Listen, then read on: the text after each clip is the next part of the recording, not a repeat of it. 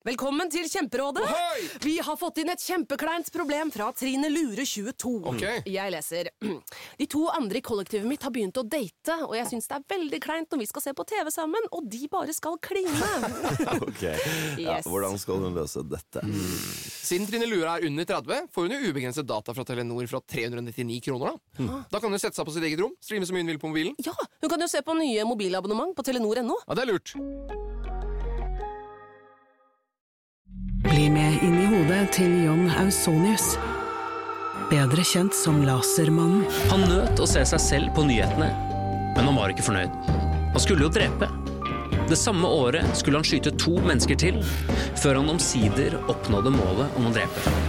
Hør på innsiden av Psykohoder med Jonas Alf Oftebro og rettspsykolog Susanne Nordby Johansen. Gratis der du hører podkast. Dekodet. Så Zelenskyj er eh, en Churchill, en moderne Churchill, som forstår betydningen av ordene I don't need a ride, I need a weapon. Dekodet. Jeg kan også gjøre sånn. Og Ja. jeg hater meg sjøl når jeg hører at jeg gjør det. Ikke sant? Og hvis jeg hører noen i en podkast slurpe i seg kaffe, da er det nesten så jeg må skru av. Jeg vet ikke om det er normalt, men eh, ja. Eh, nei, men skal vi bare kjøre på, da? Retorikk. Hva er retorikk? Kan vi begynne der? Det kan vi eh, gjerne gjøre. Eh, takk for invitasjonen. Retorikk er noe som du og jeg og alle bruker hver eneste dag, men vi kan kanskje ikke navnet på det. Retorikk er kunsten å overbevise. Det er rett og slett eh, den vitenskapen og den praksisen som eh, handler om å sortere argumentene dine og sørge for at det du tenker og føler, og det du vil selge, og det du vil ha folk med på, det kommer ut i ordna form. Ja. At du klarer rett og slett å strukturere dine egne argumenter og dine egne tanker. Ja, og det her starta Eller altså det, jeg vet at vi skal tilbake til de gamle grekerne, liksom. Eh, Det var det første som på en måte systematiserte det her. Og gjorde det til et fag, kanskje? Eller? Ja, Ja. det er riktig. Og når man begynner å si 'de gamle grekere', så har jo folk lyst til å skru av og skru på en annen radiostasjon Det er akkurat det. med, med en eneste gang. Men altså, vi gjør oss fort ferdig med det. Men det var der det begynte. Eh, sofistene var altså datidens eh, PR-byrå og taleskrivere. De ja. tok eh, jobber for folk som var tiltalt for ulike ting i det gamle Aten. Og de som brukte sofistene til å skrive forsvarstalene, de hadde en tendens til å bli frikjent. Akkurat. Og da eh, kom Aristoteles eh, ruslende med, med, med lang kjortel, og så spurte han sofistene hva er det dere gjør egentlig? Eh, dette ser jo ut til å gå veldig fint. Ja. Nei, de vet ikke helt eh, liksom, hvordan de kunne beskrive hvorfor eh, folk ble frikjent. Og da eh, heiv Aristoteles eh, seg over dette fenomenet og så litt nærmere på disse tekstene og analyserte dem. Og var altså den som på sett og vis startet vitenskapeliggjøringen av retorikken. Så han så de strukturene.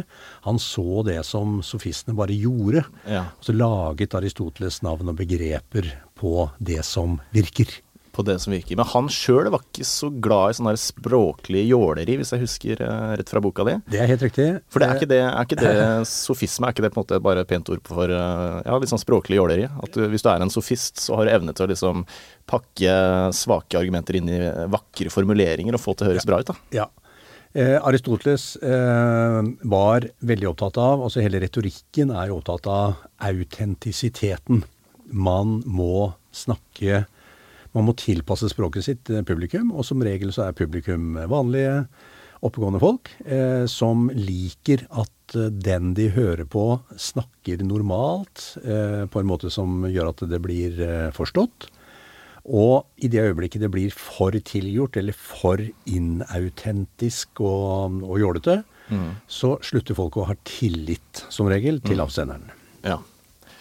Men er det en sånn balansegang der? Fordi eh, hvis jeg husker rett fra boka di, så var det sånn Du skrev et eller annet om talens paradoks, at jo mer du øver, jo mer spontan og autentisk vil du høres ut. Men i det så ligger det vel kanskje at eh, da har du muligheten til å frigjøre deg fra manus, da, for du kan det så godt. Ja. Eh, men eh, altså, å veie ordene på gullvekt eh, vel også, har vel også en effekt, på en måte. Å være nøye med ordbruken og Men det er kanskje det at man ikke skal jåle det til for mye, da, med fremmedord og sånne ting. Ikke for mye jåleri, og vi vil være sikker på at den som snakker, at han, hun er ekte. Ja. Det liker vi.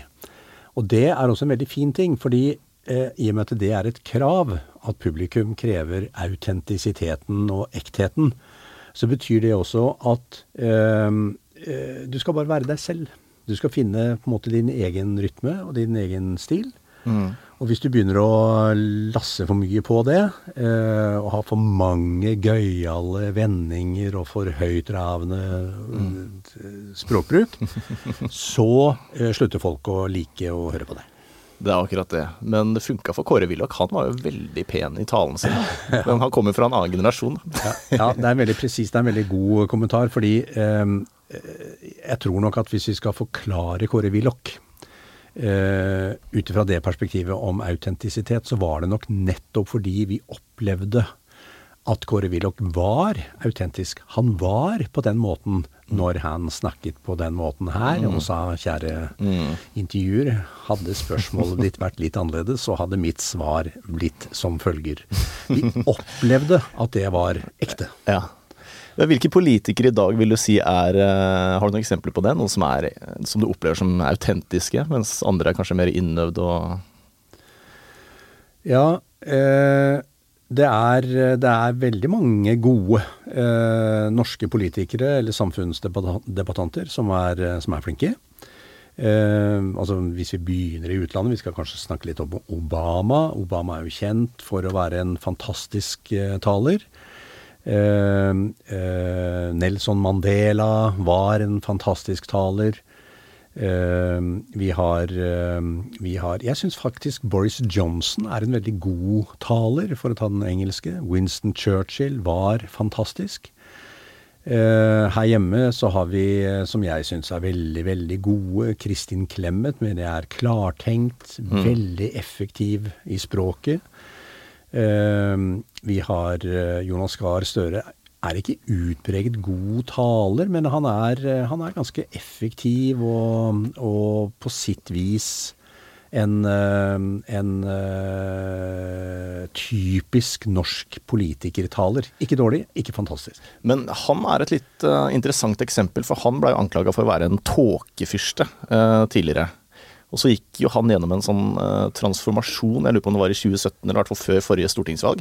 I hvert fall jeg merka en sånn enorm endring, da, hvor han plutselig svarte direkte på spørsmålet uh, fra journalistene, og var liksom kort og lakonisk og rett på, og var en helt annen eh, Framsto på en helt annen måte i debattene. Da. Så det er tydelig at det var et PR-byrå der som hadde jobba litt. Ja, han fikk eh, gode råd fordi han slutta ikke å være utenriksminister. Altså, dette er jo en mann som egentlig kan skrive en, en doktorgradsavhandling omkring ethvert spørsmål. Og da må du drøfte for og imot, og du må ha med deg fotnoter og det hele tatt. Og det var det han holdt på med veldig ofte som eh, utenriksminister. Da ble han jo eh, stemplet som fantastisk eh, kunnskapsrik og vis og veldig flink. Men etter hvert så gled det over til å bli oppfatta som tåkete, fordi det var for lange svar. Det var litt for lite medial tilpasset. Så Støre ble eh, for lang. Eh, og Så ble han også, kanskje, eh, nå er vi inne i psykologiens verden, kanskje ble han redd for å ikke fange opp alle argumentene og alle fotnotene og alle forbeholdene, og dermed så blir det igjen da medialt håpløst. Og så fikk han råd, vær tydelig, gå rett på, svar på det du blir spurt om. Så nå har han faktisk blitt eh, ganske god eh, til å si ja, det er riktig, eller nei, det er vi uenig i. Eh, eller dette er jeg usikker på. Altså Rett og slett klare, gode svar. Ja, og da føler jeg at Trygve Slagsvold Vedum har vært på en motsatt reise. For hvis jeg husker riktig, så mener jeg at han tidligere var flink på å svare på spørsmål. Mens i dag så opplever Nå snakker jeg kun for meg sjøl, men jeg opplever han som tidenes tåkefyrste nå. At han alltid svarer Ja, men det vi i Senterpartiet mener, det er følgende. Men det var ikke det som var spørsmålet, Trygve. Eh, han trenger et PR-byrå. Ja, um, og dette er jo the rise and fall. altså hva skjer når du er i opposisjon eh, og kan være en sjarmerende ramp. For det var han jo. Han lo jo og sjarmerte det partiet fra 6 til 16-17-18 prosent. Eh, og spilte altså eh, skamløst på det å være i opposisjon og uansvarlig. Og med denne latteren og dette blikket blikket og denne stilen, så var jo han eh, teknisk sett fantastisk god. Men så kommer altså dette grusomme øyeblikket hvor Slagsvold Vedum blir finansminister. Og, og verre kan det jo ikke være, for da kommer altså da kommer, Dette er dommens dag, altså. Og dermed så blir glansen og stilen til Vedum helt borte, og så detter vi tilbake igjen til 6 Det er akkurat det. Og så har du dette famøse regnestykket på Debatten hvor Fredrik Solvang bare plukker det fra hverandre. Han liker jeg godt, forresten. Eh, for der er det ikke noe skjær. Det er liksom rett i kjernen av hva er det du egentlig mener. Han følger med på det Han folk sier. Men Eh, i starten så opplevde han nesten som litt sånn irriterende avbrytende. Ja. Så han har også blitt bedre, syns jeg. Men ja. det var en liten digresjon, det, da. Men ja. Um, Obama nevnte du i stad. Mm. Um, du hadde et eksempel på en av talene hans i uh, boka som du har trukket fram. Mm. Det var den nobelpristalen, stemmer ikke det? Jo. Det er riktig. Eh, Jeg er jo fan, eh, og hadde jeg ikke vært lykkelig gift, så hadde jeg fridd, liksom. Eh, Så jeg har jo vært avstandsforelska i Barack Obama, ja. og typisk sånn nordeuropeer. Der hvor amerikanerne, mange, eh, hater Obama, så har jeg vært blant de som har tenkt for en person. For et retorisk geni. Eh, Jeg har møtt talerskriveren hans, og jeg tenkte Jeg har ikke levd forgjeves. Dette, dette var en mann som jeg mener eh, var riktig mann på feil sted, eh, men holdt fantastiske taler.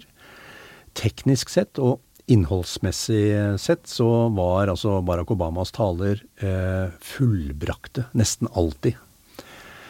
Eh, og den eh, talen, altså talen eh, i forbindelse med, med eh, fredsprisen, det er jo en, det er en veldig spesiell tale, fordi han ville jo ikke ha den.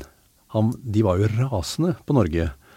Eh, og Morten Wetland, som var ambassadør i, eh, i New York, ble oppringt av Ram Emanuel fra Det hvite hus den morgenen da Obama fikk eh, fredsprisen, og ble skjelt ut etter noter. Oi. Fordi den fredsprisen trengte de aldeles ikke. Og den talen bærer jo preg av. Det er jo et, det er jo et langt forbehold i den talen, om at, uh, hvor han også spør innledningsvis i denne talen hvordan kan jeg stå her og motta fredsprisen? Jeg har nettopp uh, tatt initiativ til en ny uh, offensiv i, eh, i eh, krigen i Afghanistan. Eh, så la meg forsøke så godt jeg kan med Ja. de forbeholdene å forklare eh, hvordan dette Ja. kan ha skjedd. Så han adresserte elefanten i rommet ganske tidlig, da. Helt riktig. Helt riktig. Og et klassisk eksempel på, eh, på det som, eh, som kalles altså det exordium. Altså veldig tidlig i enhver tale så må du ta tak i det som salen er mest opptatt av. Du må bygge din egen kred osv. Du må antyde tema. Men hvis det er en svær elefant i rommet, så må du snakke om den. Ellers så blir den stående der. Og det var det han gjorde da, eh, fullbrakt. Han tok opp nettopp det som salen og hele verden lurte på. Hvordan kan du? Det må jo, er Kanskje det er derfor det står ut som en av de beste talene, eller en virkelig god tale, fordi den var så vanskelig å holde. Det er helt riktig. Den var, eh, den var vanskelig å holde. Han ville ikke holde den. Eh, og han eh, Altså hele talen er en vakker oppbygning eh, fra start til slutt. Og den har dette som man kaller for inclusio. Han begynner et sted, og så slutter han på det samme stedet. og Han slutter med patos og følelser. Eh, og han har eh, Altså, hans taler er veldig musikalske. Han har veldig rytmesans, og det er veldig vakkert å høre på. Eh, eh, fordi det har denne si, retoriske melodien. Ja, og det med å adressere elefanten i rommet handler jo litt om å snakke om det som er sant, gjør det ikke det? At sannhet er viktig når du taler. I hvert fall, Du skriver litt om det i boka, at Ja. det du sier må være sant. Ja. Eh, elefanten i rommet er det temaet som er vanskelig, og som salen tenker er vanskelig. Og hvis du ikke snakker om det eh, altså På fint så heter det refutatio, refutation, altså protesten i rommet. Og den protesten som ligger der, og det gjelder i dagliglivet eh, eh, Hvis det er ting som du vet, eller burde visst, at eh, din eh, samtalepartner er veldig opptatt av, eh, som, du tenk, eller som du vet at han tenker 'det der må du snakke om', Og hvis du ikke gjør det, så blir det hengende i lufta, og så blir det tidenes smash for eh, den andre som sier du, det var én ting, det var fint å høre du snakke nå, men eh, du glemte én helt avgjørende ting. Og poenget da med å snakke om elefanten i rommet, er å frata motstanderen din, eller publikummet ditt, den muligheten til å knekke deg i det øyeblikket du takker for deg. Ja.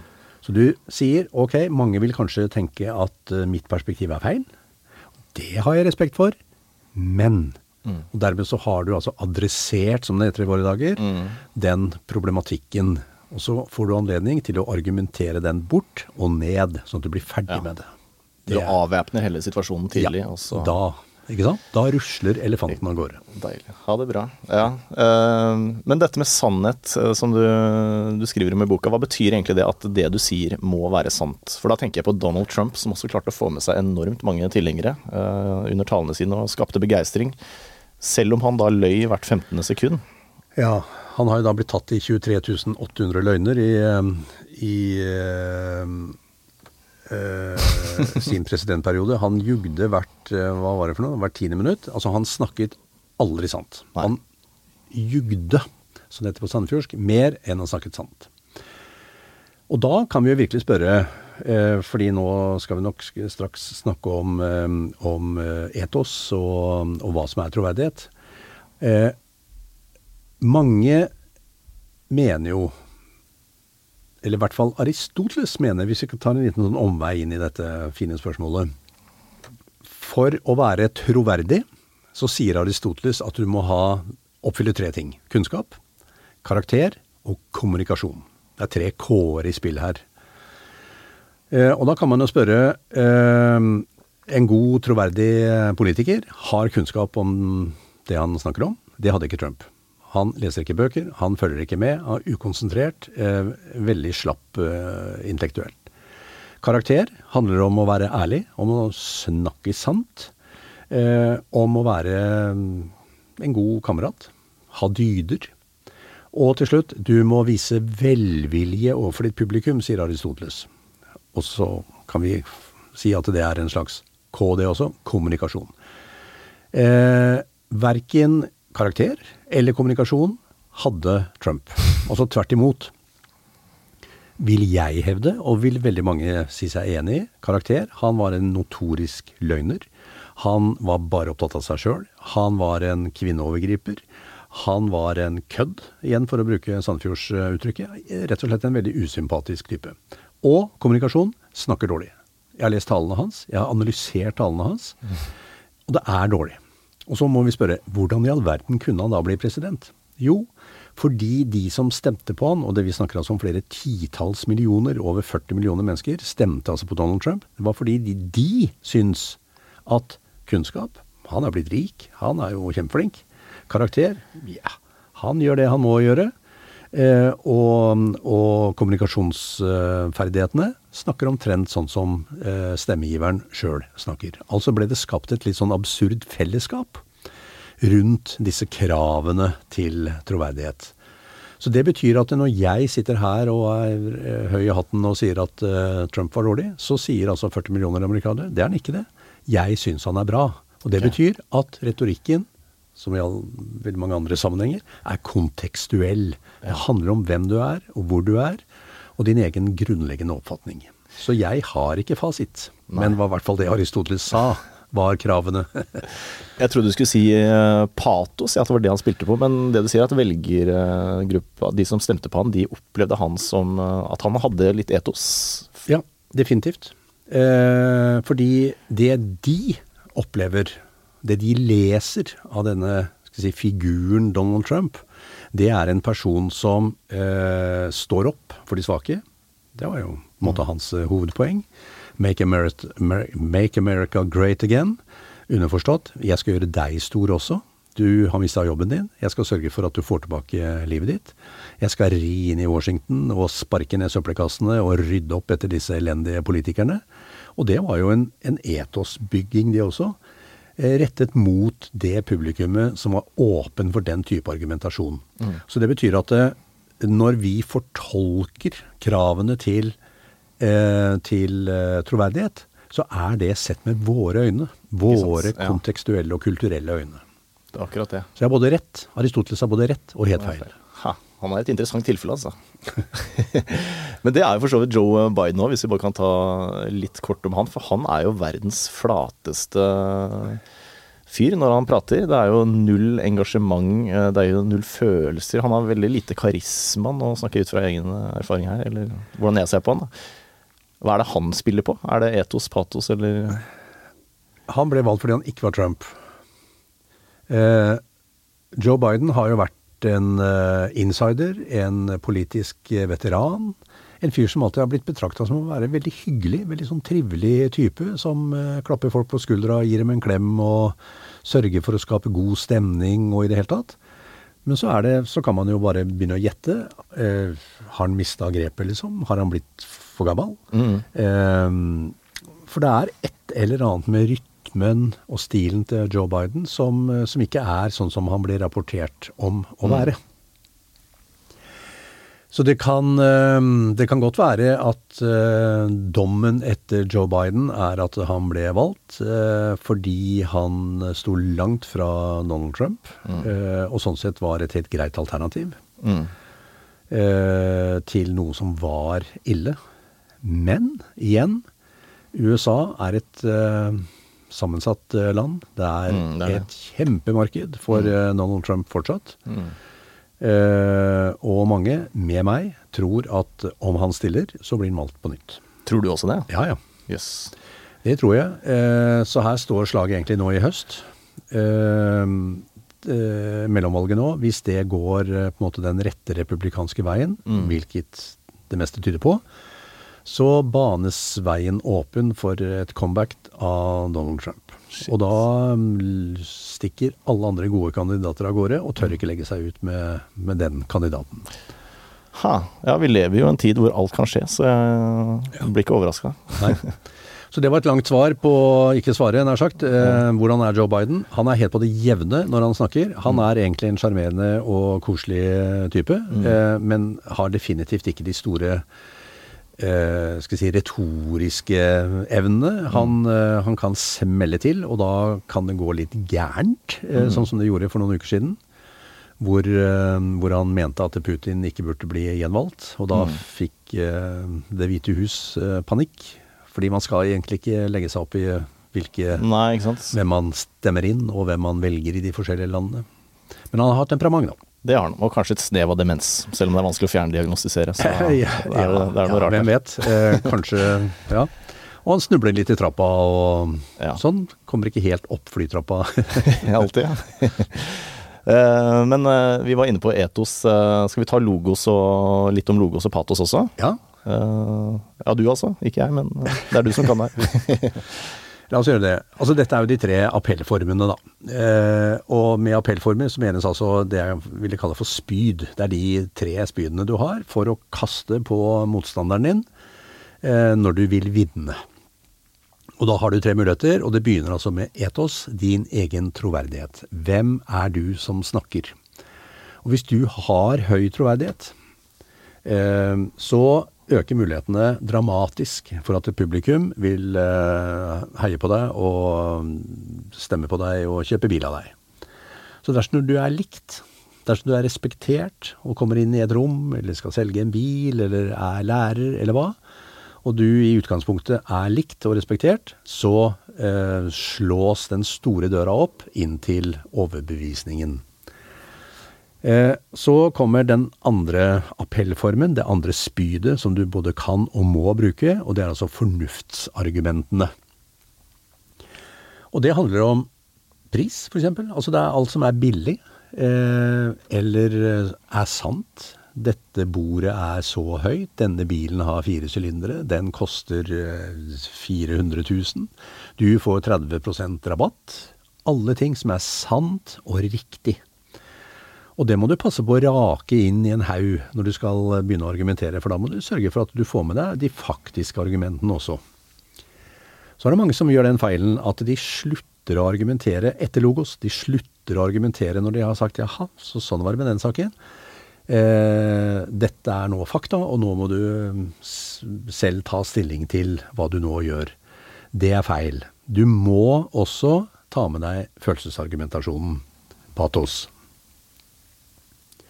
Patosargumentasjon er ikke å få folk til å gråte, det kan være det, men det er å fremkalle følelser.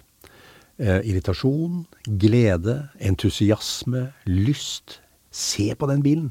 Ikke bare koster den 400 000 og du får 30% rabatt, men du ser jo den fargen. Du ser hvordan det skinner i den lakken. Tenk deg hva naboen sier når du kommer skliende med denne bilen. ikke sant? Jeg fikk jo lyst på den nå, jeg. Ja. Så. Så man pakker altså sannheten inn i en form som gjør at eh, man appellerer altså til hjertet og til denne gleden. Og det er jo her mange norske politikere gjør feil, fordi de tror at hvis de bare har rett, så får de rett. Men sånn er det ikke. Og det er der Obama f.eks. og andre flinke retorikere de klarer å finne de gode følelsesargumentene som sniker seg inn, ikke inn i hodet ditt, men inn i hjertet ditt. Er det en fin Segway over til Zelenskyj, kanskje, som også er ganske god på patos, vil jeg tro? Det var en god Segway, ja. Ikke sant? Takk, den var veldig fin. ja. Eh, ja, Zelenskyj, vi må jo ta for oss Zelenskyj. Mm. Jeg tenker For en retorikkekspert som deg, så må det være superinteressant å følge de talene hans. Og Ja. Zelenskyj er et, eh, et politisk fenomen som er veldig interessant. Det at han både er smart, altså han er jurist, han er eh, skuespiller og han er eh, politiker. Altså han har en sammensetning av egenskaper og kunnskaper som gjør at han egentlig er den perfekte massemediale politiker. Fordi skal du fungere som politiker, så må du ha noen sånn mediale evner. Eh, og de mediale evnene, de har han både i måten å snakke på, eh, det er timingen, altså det som på fint heter kairos. Han forstår hvor viktig tiden er, og hvor viktig anledningen er når du snakker. Det å lage en selfie sammen med dine nærmeste rådgivere ute på gata i Kyiv natta etter at eh, man har blitt angrepet av Russland, ikledd en grønn T-skjorte og skjeggete, en sånn slags sånn ukrainsk skjeggwara. Effekten av bare tilstedeværelsen og den timingen er enorm. Han er sånn sett den rake motsetningen til altså denne, som jeg litt sånn sleivete kaller den onde deodoranten, eh, som sitter iskald for enden av et ekstremt langt bord og er helt utilgjengelig. Så dette er to verdener. Det er pluss og minus. Det er natt og dag. Det er mørke og lys.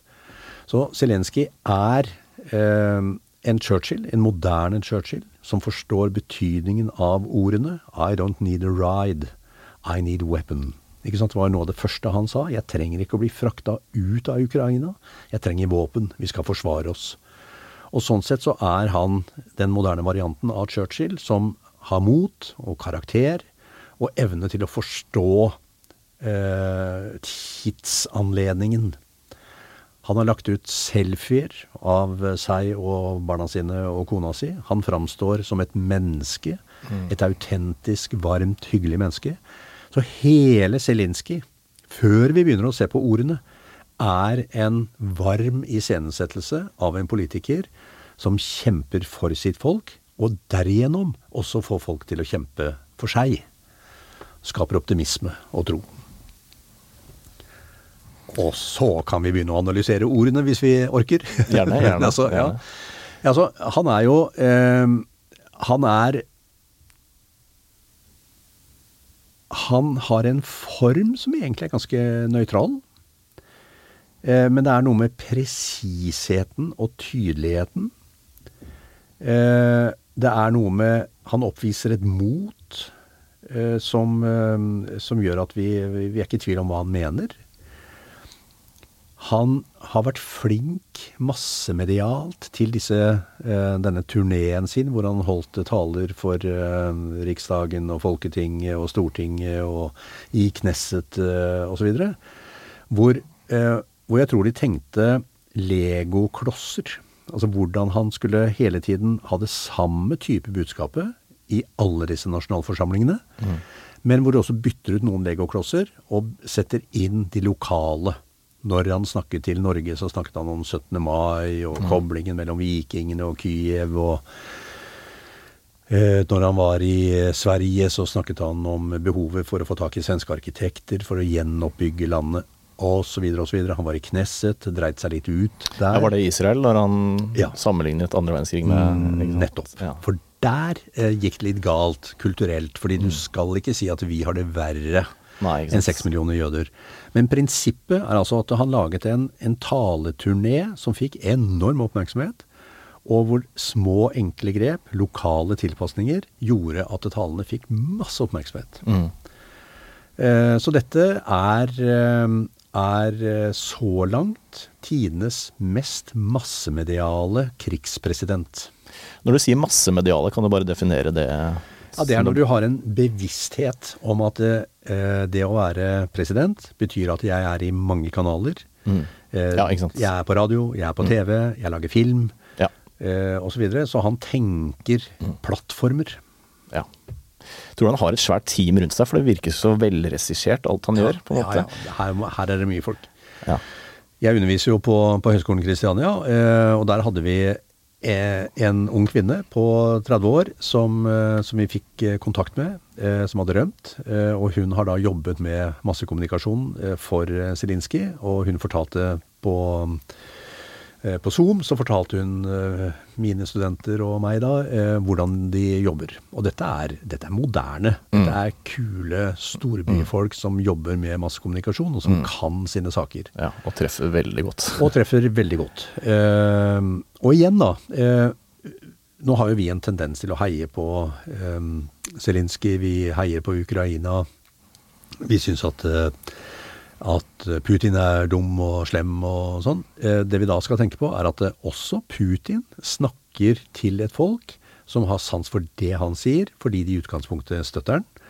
Eh, Og fordi han finner det språket som de aksepterer. Så vi skal ikke bare si at eh, alle russere er veldig dumme, og at, eh, at eh, Trump er Nei, at Putin. Putin, eh, Putin er håpløs. Dette er også kontekstuelt. Mm.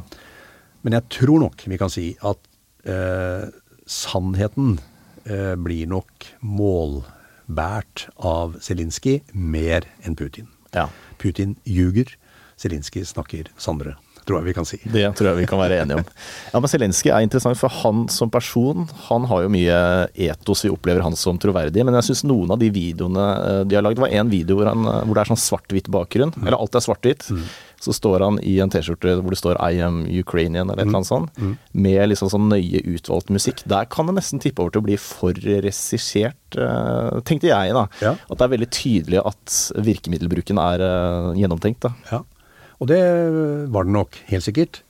Eh, og når jeg ser sånne filmer, jeg får jo ikke fred. Jeg tenker jo sånn hele tiden og syns at det er kjempespennende. Og jøss, den er bare i svart-hvitt, og det eneste som er i farger, det er eh, det ukrainske flagget og timingen dagen før Putin skal snakke. ikke sant? Altså, det, det er utrolig vel regissert. Og bildene, ethvert bilde som er brukt, har en plan og en idé. Men da er det jo sånne som oss da, som tenker ja, det var da veldig så planlagt det var, men det virker. Vi kan være ganske trygge på at det virker. Ja. Ja, i hvert fall i den sinnssyke situasjonen som de er oppe i nå. Så lar de seg kanskje ikke distrahere av eh, virkemiddelbruk på den måten. Nei, jeg tror ikke de går inn i analysemodus. er- vi kunne jo si det samme om vårt 17. mai-tog. Det var mm. voldsomt til patos. Ja, liksom alle disse barna skal vifte med flaggene. Men det Ja, virker jo. det Så vi står jo der og heier vi også, og får Ja. en tåre i øyekroken og det går Ja, ikke sant? Ja, det Så det er jo den samme Effekten. Ja. Eh, Putin, jeg har ikke sett så mange av Putin sine taler, eh, men det er, det er jo mer sånn ganske nøytralt. da. Han, eh, han har ikke så mye energi når han prater. Han ser i kamera og snakker monotont, liksom.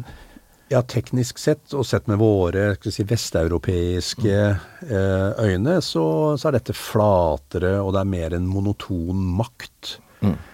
Eh, han framfører argumenter. Det er jo argumenter om nazister, og at, eh, at fienden har insekter som kryper ut av øynene og alle kroppsåpninger. Han, han har jo hatt noen sånne passasjer som har vært, som har, har vært ganske sånn retorisk elleville. Men grunnleggende sett så spiller Putin på eh, ordmuskler, maktmuskler, en stil som mange sier er en veldig typisk makt, altså russisk maktstil, som funker. Og det å bli avfotografert på hesten i bar overkropp Han er jo irriterende veltrent ikke sant? og har noen overarmer som, eh, som er av Guds nåde. Så han, han er jo opptatt av å vise fram seg selv som en sterk leder. Eh, og aldeles ikke svak og myk. Sånn sett litt typisk også at han har på en måte deletet familien. Han er ikke lenger Altså, han er ikke far, han er ikke ektemann. Han er bare makt. Han er bare president. Så iscenesettelsen av denne Putin-figuren er veldig orientert rundt han og rundt hans makt. Han fremstår nesten som en sånn tegneseriefigur, syns jeg. En sånn der ondskapsfull eh, Når du snakket i stad om liksom at dette er veldig sånn svart-hvitt. Det gode mot det onde, Zelenskyj mot Putin. Det er, liksom, det er nærmest sånn karikert. Ja, det er, det, det er jeg helt enig i. Det er en veldig fin beskrivelse. Eh, det er nesten for lett, liksom. Eh, når du har eh, Putin som fiende, så er det veldig Ja. lett å framstå som, som det motsatte. Men det er også interessant hvordan Zelenskyj eh, evner da å skape en myte om seg selv som en eh, demokratisk, europeisk, vestlig orientert figur. Og kanskje er de det bevisst, at uh, når de har den fienden og den motstanderen som de har, så er det relativt lett match. Det er det myke mot det harde. Uh, Zelenskyj og metaforbruk, er det mulig å si uh, noe om det?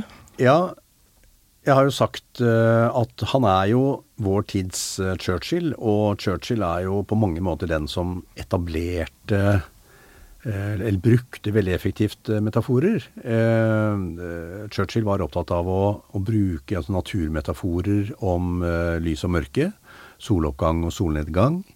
Han koblet altså naturfenomener eh, til mennesker eller systemer. Så Tyskland var eh, det mørke, og det var solnedgang, mens eh, de allierte var soloppgangen og håpet og lyset og solen og alt dette. Så, så integrert i eh, både Churchill sitt språk og i Zelenskyjs språk så ligger det bruk av naturmetaforer, hvor du altså kobler Eh, altså rett og slett naturfenomener. Og vi skjønner veldig fort at når du snakker om mørke krefter, så er det krefter vi ikke liker.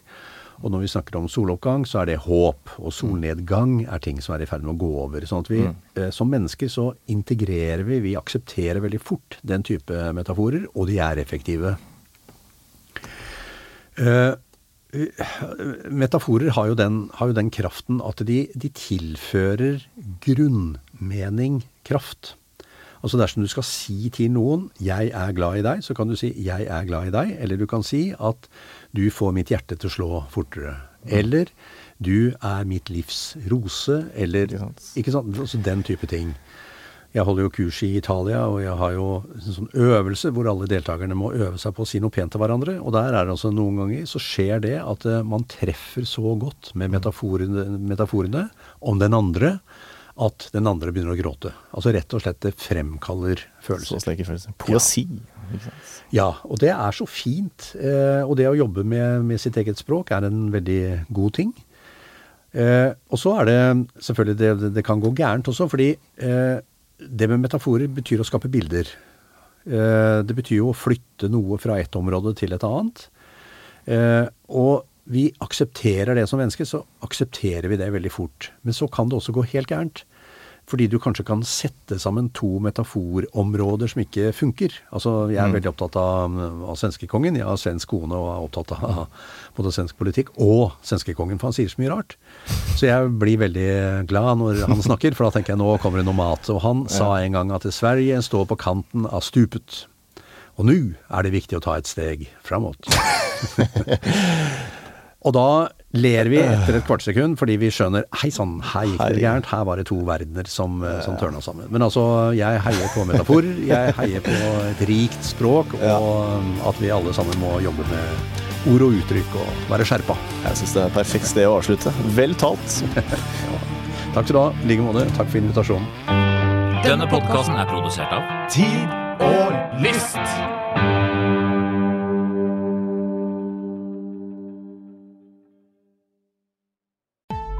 Å ta bedriftens årsoppgjør og sende inn skattemelding uten regnskapsprogrammet TrippelTex er litt som å kjøre budbil uten GPS. Du får nok levert, til slutt, men ikke uten å rote rundt og bruke masse tid. Med TrippelTex kan du stole på at du har riktig verktøy til regnskapsjobben. Prøv gratis på TrippelTex.no.